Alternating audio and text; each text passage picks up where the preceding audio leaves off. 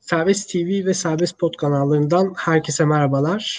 Bu hafta Serbest Analiz'in yeni bölümünde e, yine emekli Büyükelçi e, Yalın Meral ile birlikteyiz. Yalın Bey hoş geldiniz yayınımıza tekrardan. Hoş bulduk efendim. E, bugün e, haftanın öne çıkan e, dış politika gündemlerinden bazılarını e, Yalın Bey ile ele alacağız. E, ilk olarak sanırım Ukrayna meselesini e, ele almakta fayda var. E, şu anda e, Türkiye'de de dünyada da e, en sıcak mevzulardan birisi bu. E, Rusya ile Amerika arasında bir e, çatışma e, hali burada e, fiili olmasa da bir çatışma hali söz konusu. E, Yalın Bey neler yaşanıyor Ukrayna'da? Sizin gözlemleriniz, takibiniz e, nedir? Şimdi, Şu an son durum nedir Rusya, Ukrayna'da? Rusya Ukrayna'ya hakim olmanın kendi güvenliği için önemli olduğu kanısında. Rusya bu e, Biden'ı hiç istemedi. Trump'ı istedi. Çünkü Trump 2016 seçimlerinde Rusya'ya karşı son derece mülayimdi. Zira seçimi kazanmasına Putin katkıda bulundu. Ukrayna Rusya ile Amerika arasında sıkışmış vaziyette. Eğer Ruslar Ukrayna'nın doğusuna hakim olacak olurlarsa Ukrayna'nın NATO'ya girme şansı çok yükselecektir. Aynı şekilde Türkiye'de sıkıştı. Şu görüldü ki Ruslarla ortak noktalarımız fazla değil. Bilakis ters noktalarımız daha çok. Türkiye Ukrayna'nın yanında yer aldı. Bu tabi Rusları rahatsız etti. Bundan hiç kuşkumuz olmasın. Rus turistlerin 1 Haziran'a kadar gelmesi konusu bir ölçüde sağlıkla bir ölçüde siyasi nedenlerle izah edilebilir. Yalın Bey, e, Amerikan savaş gemilerinin e, Montreux'e uygun şekilde Türkiye'den e, Karadeniz'e geçmesi e, gündemdeydi. Bununla ilgili e, Amerikalı yetkililer bir bildiri e, yapıldığını, bildirim yapıldığını söylediler Türkiye'ye. E, fakat dün bir gelişme yaşandı. E, Reuters'a konuşan yine bazı Amerikalı yetkililer bu bildirimin geri alındığını e, ifade ettiler. Bu ne anlama geliyor sizce? Şimdi bir defa bildirim sözlü olamaz. Yazılı olur ve Türkiye bunu uygulayan devlet olarak Montreux'e taraf bütün ülkelere derhal yazılı bildirir. Sözlü bir bildirim geçerli bir bildirim değildir. Ben bunun sözlü olup olmadığını bilmiyorum ama bazı haber ajansları e, bu arada Dışişleri Bakanımız sözlü olduğunu söyledi. Ama sözlü bildirim diye bir şey yoktur Montreux'de. Evet. E, Dışişleri Bakanımızdan bahsettiniz. E, Sayın Çavuşoğlu bu sabah e, yaptığı açıklamada, sizin de bahsettiğiniz e, ifadeleri kullandığı açıklamada e, bir başka mevzuya daha değindi. E, Türkiye'nin Mısır'a Mayıs ayında bir heyet göndereceğini e, açıkladı. E, bu gelişmeyi nasıl değerlendiriyorsunuz? Şimdi Türkiye bence gereksiz bir biçimde Sisi'ye karşı bir tutum aldı. Yani ihvan yanlısı bir tutumdu bu.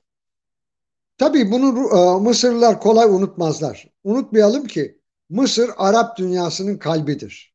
Onun için bu ilişkileri geliştirme konusunda Mısır e, Türkiye'ye bir bedel ödetmek isteyecektir. Ve en sonunda da Mısır Sisi'nin meşruiyetini Türkiye'ye kabul ettirmek isteyecektir.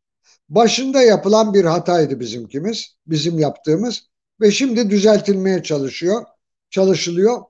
Aa, tabii e, yanlışlar diplomaside düzeltilebilir ama bedelle düzeltilir. Evet, e, bir mevzu daha var. E, bu Burma'da bugün onlarca insan e, darbeye direnirken öldürülüyor. Siz de takip ediyorsunuzdur e, burada yaşananları. E, dünya kamuoyu sizce bu konuda ne yapabilir? Şimdi evvela güvenlik konseyinden dışarıdan müdahale kararı çıkarmak imkansız. Niye? Rusya ile Çin bunu veto ederler. Başka yollar var mı? Var ama tehlikeli bir yol.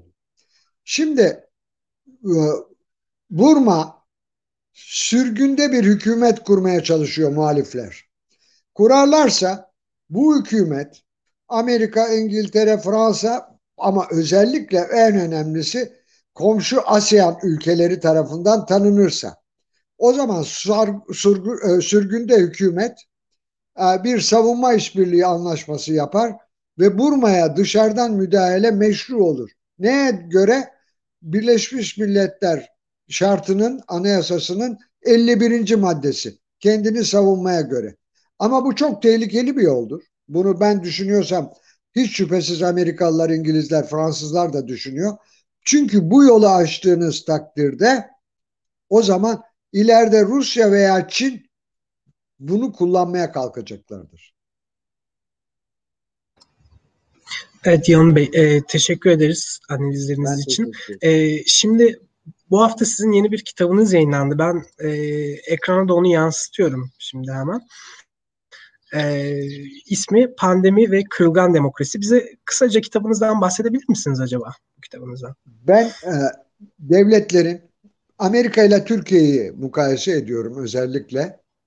E, devletlerin eğitim konularının ciddi biçimde değiştirilmesi yanayım. Niye? insanlar düşünmeye zorlanmalı. Düşünmek, ezberlemenin çok tam tersidir. Ve ben bunun Amerika ile Türkiye'de maalesef eğitimin Amerikan üniversiteleri hariç çok kötü yönetildiği kanaatindeyim. Böylece insanlar bir takım şeylere inanıyor. Yani Trump'a inanıyorlar ki inanılır gibi değil. 75 milyon rey almış. Trump aşı olun demedikçe aşı olunmuyor. Bu gayri ciddi insanların düşünme yeteneğini kaybetmelerinden ileri geliyor. Türkiye ile Amerika arasında bir takım benzerlikler var. Nitekim 1957 yılında Fransız sosyolog Améry de Riencourt bir kitap yazdı. Müstakbel Sezarlar. İngilizcesi The Coming Caesars. Burada demokrasinin ileride otokratlar çıkarabileceğini söylüyor ve böyle bir otokratın Avrupa'da değil yani İngiltere, Fransa, Almanya'da değil Amerika'da çıkacağını söylüyor. Sene 1957. Onun için demokrasi bence kırılgan bir durumda. Saldırı var demokrasiye. Nereden bir saldırı var? Ülkelerin kendi işlerinden, seçim sistemlerinden, halkın düşünme yeteneğini kaybetmiş olmasından.